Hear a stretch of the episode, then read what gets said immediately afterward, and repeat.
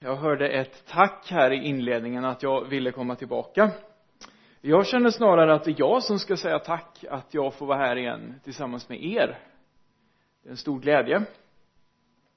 Och eh, få vara tillsammans, få lovsjunga Gud, få höra att komma som predikant och också få ta emot så mycket av Guds ord och uppmuntran. Det är härligt.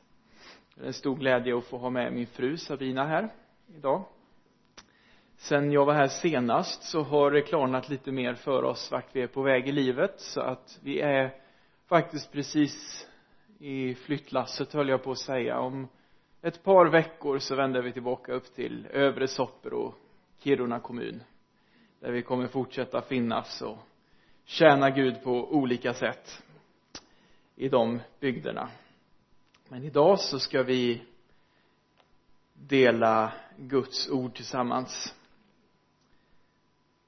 temat för den här predikan eh, har jag valt att kalla doppa dig i floden. Det kan du tycka det låter som en underlig underlig titel men jag tror du kommer förstå vad jag menar med det. Doppa dig i floden eller kan vem som helst bli frälst eller det finns kraft i Jesu blod. Och jag vill läsa ur gamla testamentet igen faktiskt. Jag vet att det finns ett nya testamente. Sist så predikade jag ur saltaren. Idag kommer vi vara i andra kungaboken. Och det är faktiskt så här att jag gillar gamla testamentet på det sättet att det när vi läser bibeln i ljuset av det som Jesus har gjort för oss på korset så är det så här att när vi läser det gamla testamentet så är det så mycket som pekar fram mot det som Jesus skulle göra. Och ibland är det så att de här berättelserna på ett sätt gör det ännu tydligare eh, för oss vad Jesus har gjort. Det är väldigt välskriven litteratur det här. Även om man inte ens var frälst utan bara ville läsa stor litteratur så skulle du kunna läsa de här berättelserna och tänka wow det här är så bra men dessutom är det så bra för det är sant. Det är en historisk verklighet. Så det vi läser nu idag kom, lägg det på minnet. Det här har hänt. Alla de här personerna är riktiga personer. Som du och jag som gick på den här jorden som du och jag. Men de pekar också, det som hände dem får också tjäna till en illustration av någonting som har med dig och mig att göra idag så har du din bibel med dig så var snäll och öppna den tillsammans med mig. Andra kungaboken 5 vers 1 till 19 ska vi läsa. Eh, och jag kommer inte läsa hela berättelsen i ett svep. Har du gått i söndagsskolan kanske du känner igen det här med Naman och som blev frisk från sin spetälska. Då vet du lite vad det ska handla om. Bakgrunden till det här är att vi befinner oss i Israel 800 före Kristus, ungefär 800-talet före Kristus. Israel är delat på grund av olika tråkiga omständigheter och vi befinner oss i den norra delen av Israel. Eh, det är inte en bra tid i Israels historia. Frågan är väl om någonsin det delade norra riket hade en bra tid. De vände sig bort från Gud, igen och igen. Och Gud sände profeter som sa, be inte till fel gudar. Utan vänd tillbaka, be till den sanne guden, ert ursprung så att säga. Eh, men de gjorde inte det. Och nu är det så att egentligen har Gud sagt att det är ganska kört. Det kommer en dom. Det kommer en tid när de måste bort från det här landet. Men just nu har Gud rest upp en profet som heter Elisa. Och han har ett räddningsuppdrag. Arameerna som bor i nuvarande Turkiet ungefär, alltså lite nordöst om Israel. De är ett stort hot, de är mäktiga och de är starka. Och dels finns det olika rövarband som plundrar landet men de är också ett hot alltså själva arameernas rike är ett hot mot Israel. Eh, och det är liksom bakgrunden då som är viktig att ha med för att lite grann förstå vad det är vi läser så jag, låt oss börja med de fem första verserna här andra kungaboken 5 och 1 till 5 Naman den arameiske kungens högste befälhavare hade ett stort anseende hos sin herre och var mycket aktad eftersom Herren genom honom hade gett seger åt Aram. Han var en modig stridsman men spetälsk. Arameerna hade varit ute på plundringståg och fört med sig en ung flicka som fånge från Israels land. Hon kom i tjänst hos Namans hustru. Flickan sa till sin matmor, tänk om min herre vore hos profeten i Samaria, då skulle han befria honom från hans spetälska. Då gick Naman och berättade det för sin herre och sa, så och så har flickan från Israels land sagt. Kungen i Aram svarade, res du dit så ska jag skicka brev till Israels kung. Så for Naman iväg och tog med sig tio talenter silver, sex tusen siklar guld och dessutom tio högtidsdräkter. Yes. Så vi läser här om Naman. Den arameiske kungens högste befälhavare. Egentligen är det ju tre huvudpersoner här som vi introduceras för. Som liksom sätter scenen för hela den här berättelsen. Först har vi Naman. Han är ju fiendens högra hand, så att säga. Ehm, och arameerna som sagt, det stora riket som hotar det lilla riket, Israel, fiendefolket. Naman var militär. Han hade tillfångatagit och rövat bort israeliter. I alla fall en liten flicka som vi läste om här. Han var en mäktig man. Han hade favör hos kungen. Han hade inflytande. Men så var det ju det här problemet då man skulle kunna kalla det för elefanten i rummet. Ni vet det här som alla ser men ingen pratar om. Han var spetälsk. Och spetälska var ingen rolig sjukdom. Läser vi i Moseböckerna så vet vi att för Israel så var det här en oren smittsam sjukdom. Det var någonting som var skamligt. Det var någonting man skämdes för. Och antagligen var det inte stor skillnad med arameerna utan de förstod den här sjukdomen är smittsam den här sjukdomen är äcklig den här sjukdomen är farlig den här sjukdomen är oren. Den var också obotlig. Naman hade pengar, han hade makt han hade inflytande han kunde bara ta vad han ville ha.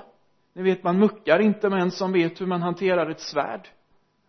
Man säger inte gärna till en sån att du ursäkta mig men det där du har på kroppen det är, det är inget bra. Det är Naman. Han har allt men han har ett problem som inte går att göra någonting åt. Och, och, och det lustiga, eller olustiga ska jag säga med spetälska, om jag har förstått det rätt med den här sjukdomen. Så det farliga med den är inte så mycket sjukdomen i sig själv som det är att den gör att man tappar känseln. Och eftersom man inte har känsel i sina känsligaste delar så går man och stöter emot fingrar och tår och armar och ben. Man bränner sig, man skär sig, man skadar sig men man fattar inte att det är det som händer förrän man får de här hemska infektionerna som kroppen liksom inte kan svara på. Och ja, varför är det viktigt? Ja, jag kommer till det så småningom. Naman han har allt men han har ett problem som inget av allt det han har kan rå på. Men ändå undrar jag var han ändå fanns det någonting var han så pass god ändå att hans lilla tjänsteflicka som faktiskt var offer för den tidens människohandel liksom hade blivit rövad bort från sitt hus och nu befann sig hemma hos honom på något sätt ville hon ändå att han skulle få hjälp. Yes. Så det kanske var en blandning av ont och gott där inne i hjärtat. Men det fanns ett problem som han inte kunde rå på. Och så har jag redan nämnt och vi läser här om den här lilla flickan. Ehm, eller ung flicka som det står här.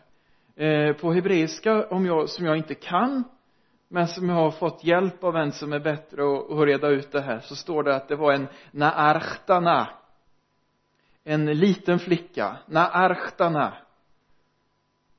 det är det enda vi vet om henne. Hon saknar inflytande. Hon är fattig hon är enkel hon är fånge i ett land som inte är hennes. Hon är utlänning. Hon saknar anseende. Vi vet inte ens vad hon heter och namn i bibeln har betydelse. Så det här att hon står utan namn det säger någonting. Alltså det här är en person som saknar inflytande som saknar betydelse liksom i människors ögon. Men utifrån vad vi läser här så är det tre saker som jag tror vi kan säga om henne. För det första var hon väldigt frimodig.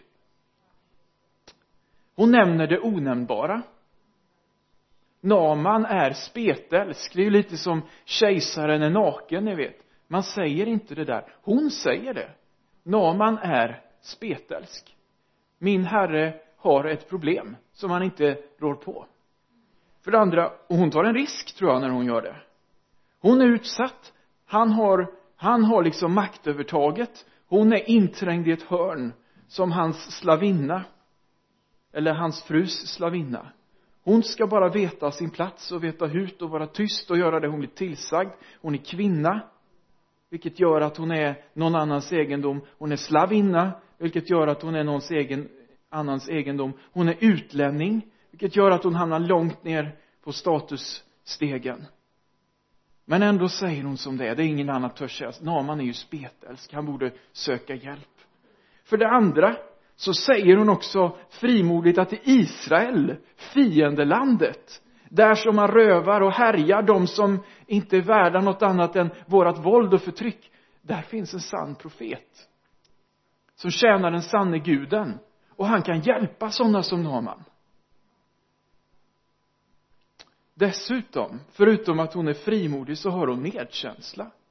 Hon ser att Naman lider och plågas och hon vill att han ska få hjälp. Så hon är frimodig, hon har medkänsla och dessutom är hon klarsynt. Hon förstår att det är bara profeten i Israel som ber till himmelens Gud som har skapat allt och som älskar människorna. Det är bara där som det finns hjälp att få. Det finns inte hos avgudarna och prästerna och templen som vi sen förstår finns i Arams rike. De kan inte hjälpa Naman. Men Gud kan hjälpa Naman. Och så säger hon tänk om min herre borde hos profeten i Samaria.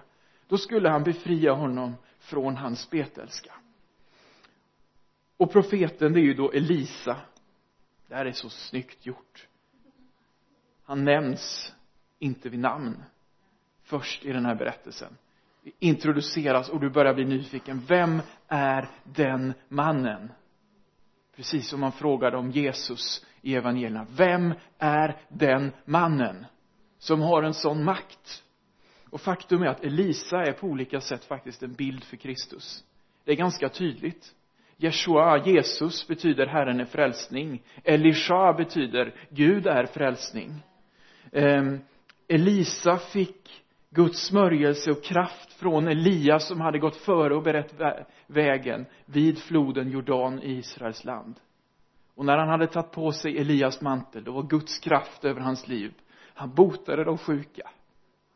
Han mättade de hungrande. Han uppväckte döda. Och egentligen var hans uppdrag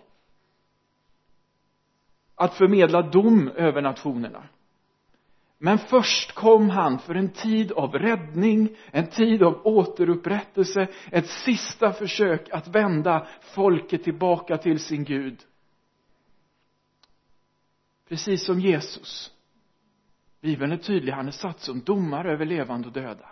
Men först kom han för att uppsöka och frälsa det som var förlorat.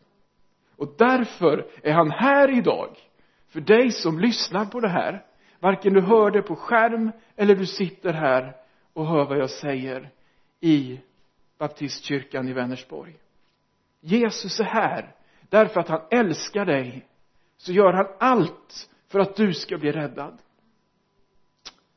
Elisa är en bild för Jesus. Och för den här flickan var det ett självklart faktum att hade Naman träffat Elisa så hade Elisa gjort honom frisk det var ingen tvekan liksom. Det var ingen teoretisk möjlighet att det skulle kunna bli så. Om han hade tro tillräckligt om liksom teologiskt sett så skulle det kunna men det är ju å andra sidan.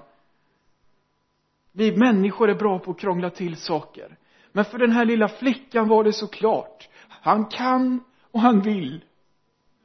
Och ni vet att i, Mark i Lukas 5 vers 13 så möter Jesus en man som är spetälsk. Och nu tar jag det här lite ur huvudet för tidens skull. Och då säger den här mannen till Jesus om du vill så kan du göra mig ren. Han hade samma sjukdom som Naman hade i den här berättelsen. Och så säger han till Jesus om du vill så kan du göra mig ren. Och Jesus säger jag vill bli ren alltså inte jag vill bli ren utan jag vill punkt bli ren utropstecken. Vilket säger mig Jesus kan och Jesus vill. Och det kvittar idag vad som gör att du känner dig oren. Jesus kan göra dig ren därför att han har gjort allt för dig. Och i Lukas 5 så fortsätter sen Jesus och reser upp en förlamad man på hans fötter. Och så säger han att för att ni ska förstå att människosonen har makt att förlåta synder så säger jag till den här mannen res dig upp och gå. Så Jesus har makt att förlåta skuld, skam, synd, det där i ditt hjärta som skiljer dig från Gud. Och han har också makt att röra vid kroppar som plågas och vid själar som plågas. Jesus kan och Jesus vill. Yes. Och när man får höra att i Israel finns det en profet där kan det finnas hjälp att få. Och då gör han den här tabben som många människor gör han tar med sig silver och guld, rikedom och så beger han sig till den som har makten i sin hand. Eh, vi ska läsa här vers 6 till eh, och med 7 det, han, Naman alltså, han kommer till Israel där och så står det att han överlämnade brevet till Israels kung och där stod samtidigt med det här brevet har jag sänt min tjänare Naman till dig för att du ska befria honom från hans spetälska. När Israels kung hade läst brevet rev han sönder sina kläder och sa är jag då Gud så att jag kan döda och göra levande? Eftersom han skickar mannen till mig för att jag ska befria honom från hans spetälska ni märker och ser hur han söker strid med mig ja, Naman är obotligt sjuk. Han kommer till Israel. Och jag menar tänk den här scenen nu. Föreställ dig det ungefär så här. Sergej Lavrov Rysslands utrikesminister. Han åker till Kiev med första bästa flyg. En väska full med, med kontanter. Och så upp knackar han på dörren hos Zelenskis rådgivare och så säger bota min tjänare här here comes trouble. Fienden kommer och begär någonting fullständigt omöjligt. Rikedom hjälper inte. Politik hjälper inte. Jag förstår Israels kung att han är rädd.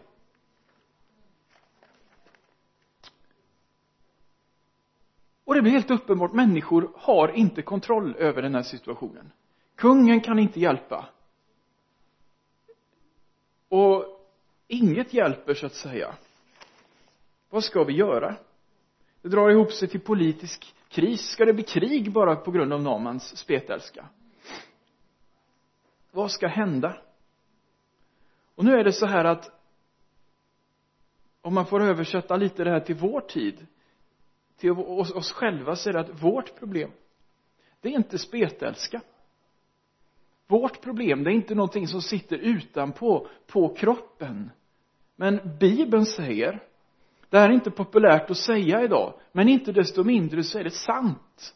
I romarbrevet 3 och 23 då läser vi om mig om dig om den som sitter till höger och vänster om dig i de här kyrkbänkarna idag om de som är här ute på torget i Vänersborg om varje människa på den här jorden de som har levt, de som lever nu och de som kommer leva så står det att alla har syndat och saknar Guds härlighet. Det här är vårt problem. Och det här är lika obotligt som spetälska du kan försöka tvätta bort det, du kan försöka fixa dig själv. Du kan gå hit varenda söndag ett helt år. Det kommer inte hjälpa dig ett enda dugg. Ja förhoppningsvis får du höra Guds ord och förhoppningsvis börjar Guds ande verka på ditt hjärta. Men att sitta där i bänken det är inte någonting som gör att du får meritpoäng i himlen så att Gud kanske släpper in dig och säger att okej okay, nu är det kredit och debet lika så nu är vi kvitt. Det funkar inte så. Utan alla har syndat. Alla har gått miste om destinationen för ditt liv. Att vara med Gud. Du är skapad för att vara lik Gud. Du är skapad för att ha gemenskap med Gud. Du är skapad för att få vara med honom för alltid. Men synden det här att vi vänder oss bort det gör att vi sabbar den chansen. Och det gör att vi ställer till med krig. Det gör att vi skadar varandra. Det gör att vi skadar den här skapelsen. Och det gör att vi missar det som Gud har tänkt nu och i evighet. Och politik kan ju hjälpa för stunden om, om, om fler fattiga får mat och så vidare, om vi kan hjälpas åt att göra det här till ett drägligt samhälle att leva i, så är det naturligtvis bra. Men kommer, finns det någon, ärligt talat, under de här, alla dessa år som människosläktet har bestått, som har lyckats bygga det här perfekta samhället? Nej! Alltid kommer människor i kläm. Gör du si kommer den i kläm, gör du så kommer de i kläm. Och vi är experter på att skada, förtrycka och, och, och göra varandra illa. Och vi glömmer honom som har skapat oss för att ha gemenskap med sig själv. Pengar tycks inte heller hjälpa någon mycket. Men så kommer, tack och lov, någon som har lite koll här. Och vi kan fortsätta läsa vad som, vad som händer. Hur den här hopplösa situationen utvecklar sig. Vi fortsätter vers 8. Så läser jag fram till vers 10. När gudsmannen Elisa hörde att Israels kung hade rivit sönder sina kläder sände han bud till kungen och lät säga varför har du rivit sönder dina kläder? Låt honom komma till mig så ska han förstå att det finns en profet i Israel så kom Naman med sina hästar och vagnar och stannade vid dörren till Elisas hus. Då sände Elisa ut ett bud till honom och lät säga, gå iväg och tvätta dig sju gånger i Jordan, så ska ditt kött bli friskt igen och du blir ren. Här är Elias självklara respons på den här olösliga situationen. Det finns en lösning det finns ett svar för Naman och hans spetälska. Och svaret, det är så simpelt. Det är så enkelt så att det blir svårt. Det är så simpelt så det blir stötande för den här mäktige mannen. Kom till mig, doppa dig i floden Jordan. Och jag vill säga till dig idag att när det gäller synden, det här att vi har gått miste om Guds härlighet, att vi har tappat det. Att varenda människa har tappat det. Det finns ett svar. Och det svaret kan du läsa, Johannes 3 och 16. Jag tror att en del av er kan det kanske utan till. Så älskade Gud världen att han gav den sin enfödde son för att var och en som tror på honom, på Jesus, inte ska gå förlorad utan ha evigt liv. Det finns en lösning. Vi behöver inte vara kvar i det som skiljer oss från Gud. Gud har gjort ett sätt så att vi kan bli rena inombords på nytt.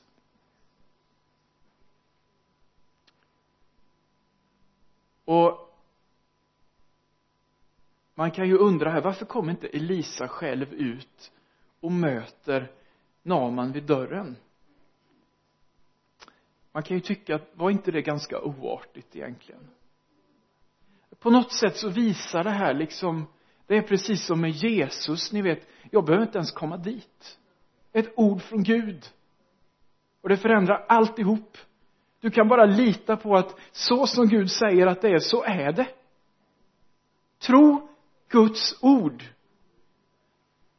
och, och, ehm, och det står att tron kommer av predikan och predikan i kraft av Guds ord. Tro på vad Gud säger att det finns ett sätt som gör att du kan bli fri idag. Tro på det Gud säger att det finns ett sätt så att du kan bli helad idag. Tro på det Gud säger att det finns ett sätt så att du kan bli förlåten idag och det är att Jesus gav allt för dig när han dog på ett kors på Golgata vid Jerusalem för 2000 år sedan. Och jag tror Elisa var en människa. Han var inte Kristus, han var en förebild till Kristus. Han gick inte ut i dörren för han ville inte att Naman skulle tro att det var en människas verk det som skulle komma att ske. Utan det skulle vara så tydligt att det är Israels Gud som är så mäktig att till och med en hedning, till och med en fiende, till och med den som inte var värd att älskas och förlåtas kunde bli helad, kunde bli ren, kunde få allting nytt igen. Och nu är det ju så att vi har bott uppe i övre Soppero, en bygd som är präglad av eh, mycket annan andlighet än, än Guds heligande. Och när vi ber för sjuka och Gud någon gång har gjort något genom förbön, genom en syster, en broder, så har vi sett det är så oerhört viktigt att lägga tonvikten vid det här. Att det är Jesu namn som botar och ingenting annat. För det är så lätt för folk att börja tro att det finns en särskild förmåga hos den här förebedjaren. Wow, vilken människa som kan lägga händerna och det sker någonting. Och vad viktigt det är att vi visar människor, det är inte jag. Och, och jag vet inte om någon har blivit botad genom min förbön heller, men vi har fått vara med och förklara sen, vet du, det som gjorde dig frisk, det var inte han eller hon eller dem, utan det var Jesus. Det är för att det finns kraft i namnet Jesus. Och därför ska du tro på honom. Du ska inte titta på människan som bad för dig, utan du ska titta på Jesus. Och då tycker man ju, skulle inte Naman lyfta sina händer och ropa halleluja. Det finns ett sätt, jag är obotligt sjuk, pengar hjälper inte, kungen kan inte hjälpa mig, rikedom kan inte hjälpa mig. Men flickan från Israel sa att det finns en profet och profeten har sagt någonting och det är så lätt ja, halleluja. Eller vad? Ska vi läsa vad det står i vers 11? Det är 13. Men Naman blev vred och for sin väg och sa, jag trodde att han skulle gå ut till mig och träda fram och åkalla Herren sin Guds namn och lyfta sin hand över stället och så ta bort spetälskan. Är inte Damaskus floder, Abana och Parpar bättre än Israels alla vatten? Kunde jag inte lika gärna tvätta mig i dem för att bli ren? så vände han om och for sin väg i vrede. Men hans tjänare gick fram och talade till honom och sa, min fader, om profeten hade begärt något svårt av dig, skulle du då inte ha gjort det? Hur mycket mer nu när han bara har sagt till dig, tvätta dig, så blir du ren. Han blir ju inte glad, fast det finns en lösning. Det är för simpelt. Det är för trångsynt. Det är för otidsenligt. Det är för, ja, jag vet inte vad. Men det är inte så här när man vill ha det. För det första så säger han att jag trodde ju jag skulle få möta den store profeten va. Jag trodde han skulle göra något mystiskt med mig. Det skulle vara lite liksom hokus pokus och lite glitter och rök och allt möjligt. Det skulle vara lite mystiskt, det skulle vara lite häftigt, det skulle vara lite ja, en upplevelse. Jag ville känna någonting, jag ville uppleva, jag ville ha en kick. Och det fick jag inte. Och sen för det andra så, så går han och säger jag ska doppa mig i Jordanfloden. Ler, lerdike där i Israel. Jag är från Damaskus. Alltså jag har ju sett floder va? Stora, breda, klara med mäktigt vatten. Det finns ju massor av floder i Mellanöstern. Varför ska jag gå ner till det där lortiga diket för? Skulle det verkligen vara så mycket bättre? Kan det verkligen vara sant att bara Jesus ger frälsning? Det finns ju massor av religioner. Det finns en massa människor som har tänkt fina tankar om Gud. Är det inte ganska trångsynt efter 2000 år att fortsätta stå och säga att bara Jesus är den som räddar från synd och ger oss en väg så att vi kan få ha gemenskap med Gud? Är det inte väldigt knäppt att säga så? Är inte det väldigt konfrontativt och osympatiskt och exkluderande? Bibeln säger i Apostlagärningarna 4 och 12 och då är det tal om det här med att predika om Jesus. Då säger apostlarna hos ingen annan finns frälsningen. Inte heller finns det något annat namn än Jesus givet åt människorna under himlen genom vilket vi blir frälsta. Jesus säger om sig själv. Jag menar han var väl ändå tolerant och inkluderande. Alla fick komma till honom, eller hur? Syndare höll sig nära in till honom. Kvinnorna mötte han med respekt som ingen annan. De spetälska rörde han vid. Han var ju inkluderande, eller hur? Men då är väl allt okej? Okay. han förlåter. Han fördömer inte. Men vad säger Jesus? Han säger i Johannes 14 och 12 jag är vägen sanningen och livet. Ingen kommer till fadern utom genom mig. Alltså vägen till Gud den går genom Jesus. Sanningen Jesus säger inte att han är ett alternativ bland många på det religiösa smörgåsbordet utan han säger att han är sanningen som person. Vi har sanningen här i Guds ord och den talar om Kristus. Vi har också sanningen som en person i Jesus Så visar Gud vem han är och vad han vill och han säger jag är livet. Med andra ord utan Jesus inget andligt liv. Och det måste få sägas även 2022 det finns ingen annan väg. Naman han var välkommen. Hedning fiende som han var genom tro på Israels Gud så ville Gud ha med honom att göra. Men det fanns bara en väg dit. Och det var att lyssna till Gud och göra vad han sa. Gud älskade Naman och han älskar dig. Men han älskar inte det här som skiljer människan från Gud synden. Därför har han gett sin egen son för att ta bort det och så för det tredje så är det ju en som tar mod till sig och säger till Naman som det att hade det varit något svårt då hade du gått med på det va? Hade du kunnat prestera fram det här så hade du gjort det. Hade du kunnat köpa det här så hade du velat det.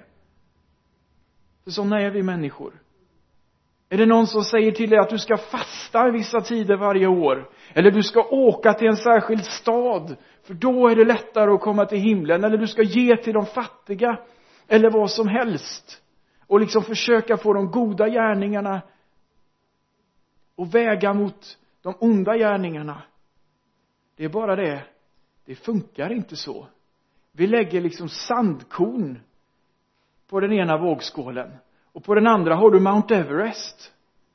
Det är liksom och det kvittar ju om du i hela ditt liv håller på att plocka sandkorn med pincett och lägger på den ena tomma vågskålen. Det är ju kört från början. Så säger han här om det hade varit svårt, ja då hade du försökt. Men nu är det ju lätt. Vad förlorar du på, te på att testa när det ändå är kört? Men vad har du att förlora? Du kan bli lite smutsig och grisig för att vattnet inte är rent. Det är allt. Du torkar ju igen. Och hem då om inte det funkar. Och då läser vi här vad som händer. Vers 14 till 18 då for Naman ner och doppade sig i Jordan sju gånger så som gudsmannen hade sagt och hans kött blev friskt igen som en ung pojkes kött och han blev ren därefter vände han tillbaka till gudsmannen med hela sitt följe och gick in och kom fram till honom och sa nu vet jag att det inte finns någon gud på hela jorden utom i Israel ta nu emot en gåva av din tjänare men han svarade Elisa alltså så sant Herren lever, han som jag tjänar, jag vill inte ta emot något. Fastän han bad honom om och om igen att ta emot så ville han inte. Då sa Naman, om du inte vill det så låt din tjänare få så mycket jord som ett par mulåsnor kan bära. För din tjänare vill inte offra brännoffer och slaktoffer åt andra gudar mer, utan bara åt Herren. Men detta må Herren förlåta din tjänare. När min herre går in i Rimons tempel för att böja knä där och han då stöder sig vid min hand och jag också böjer knä där i, i Rimons tempel må då Herren förlåta din tjänare att jag böjer knä i Rimons tempel. Elisa sa till honom, gå i frid. Naman trodde till slut på vad profeten sa och lydde det ord han hade fått höra. Och så går han ner till Jordanfloden och doppar sig sju gånger. Sju som är fullkomlighetens tal. Och när han har gjort det så kommer han upp igen. Och hans kött blev friskt igen. Som en ung pojkes kött. Och han blev ren. Och det här att han blir botad, det leder inte bara till att kroppen blir frisk. Det är bra nog. Men det leder till att en hedning, långt före att Jesus ens hade kommit, förstår att det finns bara en enda Gud som har skapat himmel och jord och som har makt att bota sjuka. Och nu tänker jag, jag vägrar att be till någon annan Gud än den riktiga guden. Det finns praktiska problem här och det är att jag bor i ett annat land, i ett annat folk. Jag tjänar en annan kung. Men i mitt hjärta så tjänar jag bara Gud. Israels Gud. Och nu sa ju jag i början här, jag vet inte om du kommer ihåg att vi blev introducerade till en liten flicka som först berättade för Naman att det fanns ett problem med en lösning. Och hon var en ung flicka, Naarchtana. Om jag nu har jag lyssnar någon på det här så förlåt mig för min förskräckliga hebreiska. Men det här är lite häftigt så står det om Naman i slutet av den här berättelsen. Och hebreiska texter, de, de är, alltså de, de, knyter ihop grejer. Det, är, det här är helt fantastiska konstruktioner, uppbyggnad av det här. Då står det att Naman blev som, han fick ett kött som var som en ung pojke, som en narchatone. Samma ord, fast maskulinum. Han blev som en liten pojke. Han blev som en som aldrig hade syndat. Och vad mer är, ser du kopplingen mellan de här två? Den lilla flickan en, i ett främmande land som inte var hennes. Och denne mäktige man som till och med hade rövat bort henne. Nu var de av samma kött och blod. De var av samma slag. Och genom tro så hade den här mäktige mannen blivit inlemmad i samma folk som hon. Nu reste han hem till ett land där man inte dyrkar Israels Gud. Han hade så att, också, så att säga också hamnat i en exil. I samma exil som hon. Med tro på samma Gud som hon. Och den lilla slavflickan och den mäktige krigaren, de var syster och bror i tro på Israels Gud. Och det här händer när du sätter din tro på det som Jesus har gjort för dig på Golgata kors. Gud ger dig sin frid. Och frid med Gud innebär inte bara att du inte längre behöver ha ångest och oro och depression och allt det här som Jesus vill lyfta av dig. Men han kan lyfta det av dig och han vill lyfta det av dig. Men det innebär att du hamnar, Guds frid innebär att du hamnar i det tillstånd som Gud hade skapat dig för att leva i. Det finns ingenting i Jesus som skiljer dig och Gud åt längre. Det finns en gemenskap med Gud som har skapat dig och som älskar dig och som vill leva tillsammans med dig. Och då är det så att du kommer fortsätta leva ett liv i exil i en värld som fortfarande lever i bortvändhet från Gud. Och jag lovar inte dig ett liv med guld och gröna skogar och bara rikedom och bara hälsa, välgång och allt som du pekar på blir ditt. Men mitt i svårigheterna, mitt i den här fallna, brustna skapelsen som kommer bära spåren av syndafallet fram tills den dagen bryter in när Kristus kommer tillbaka och gör allting nytt. Fram till den stunden så kommer Gud genom Jesus Kristus och den helige Ande att vara med sin församling här på jorden och hjälpa oss att göra det Jesus har kallat oss att göra. Vi delar, fast vi är från olika folk. Från Ukraina, från Sverige, min fru är från Holland, jag vet inte allt, alla nationer som är tillsammans här. Så delar vi samma natur i våra hjärtan. Guds liv som är fött i oss genom den helige Ande. Vi delar samma hemland som är Guds rike. Den nya himlarna, den nya jorden, det rike där Jesus är kung och Gud är herrarnas herre. Vi delar samma tro och vi är ett i Jesus. Och det har skett genom att Jesus gav sitt liv, sitt blod för oss. Det här är evangelium. Vi har ett problem. Alla människor. Oavsett pengar, ålder, ras, status, allt. Så är det så att synden skiljer oss från Gud. Men det är också så att det finns en lösning på det problemet. Elisa sa till Naman, doppa dig i floden så blir du ren.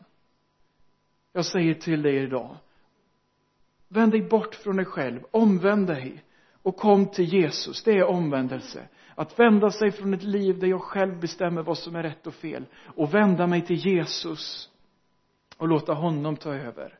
Tro på Jesus. Kom till honom. När han dog så sa han det är fullbordat. Allt är färdigt. Ingenting kan läggas till. Ingenting kan dras ifrån. Du får komma som du är. Naman kunde inte köpa sitt helande. Han kunde inte muta sig till att bli botad. Han kunde inte använda sin makt, sitt inflytande. Allt han kunde göra var att komma och be om hjälp. Skulden är betald. Allt har blivit färdigt. Och det gjorde Jesus för dig när han gav sitt liv. Och då revs förlåten sönder. Det som hade skilt människan från Gud. I templet fanns en gardin som stod i vägen. Den rev Gud sönder. För att visa att nu kan människan komma än en gång dit hon var skapad för att vara. I gemenskap med sin skapare. Detta är evangelium. Det finns ett liv att få. Det finns förlåtelse. Och det finns att få bara genom Jesus. Så vad ska vi lära oss av den här berättelsen idag? För det första, du som tror att alla religioner är lika bra. Att alla livsstilar går lika bra. Det finns en väg till frälsning. Och den vägen går genom tro på Jesus Kristus. Det finns inga andra vägar till Gud.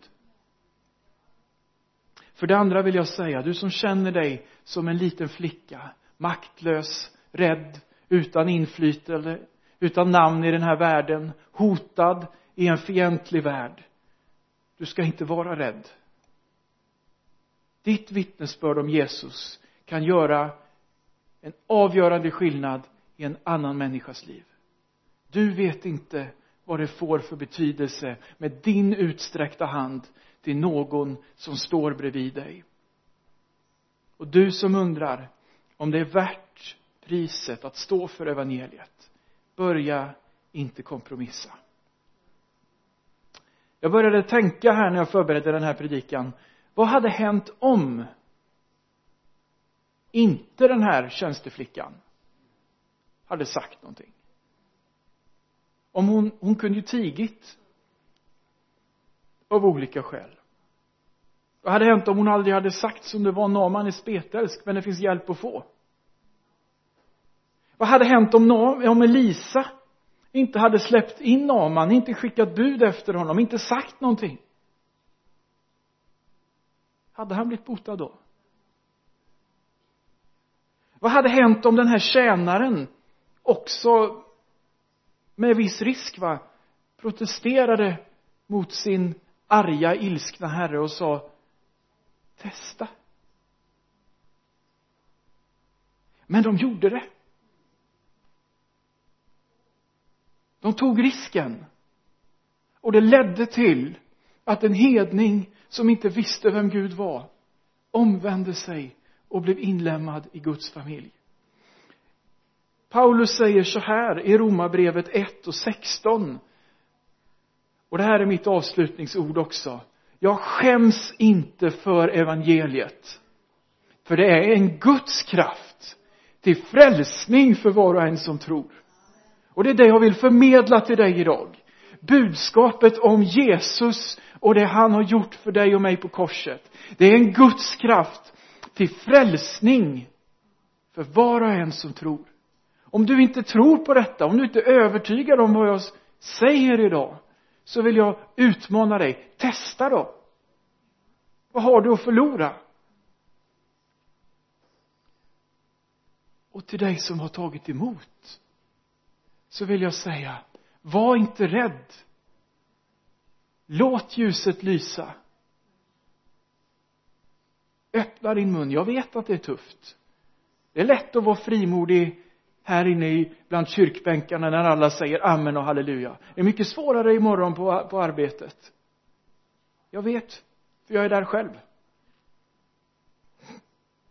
Men därför har Gud gett oss den helige ande som har lovat som Jesus har lovat ska vara med oss och ge oss kraft att vi kan vara hans vittnen. Skäms inte för evangeliet säger Paulus.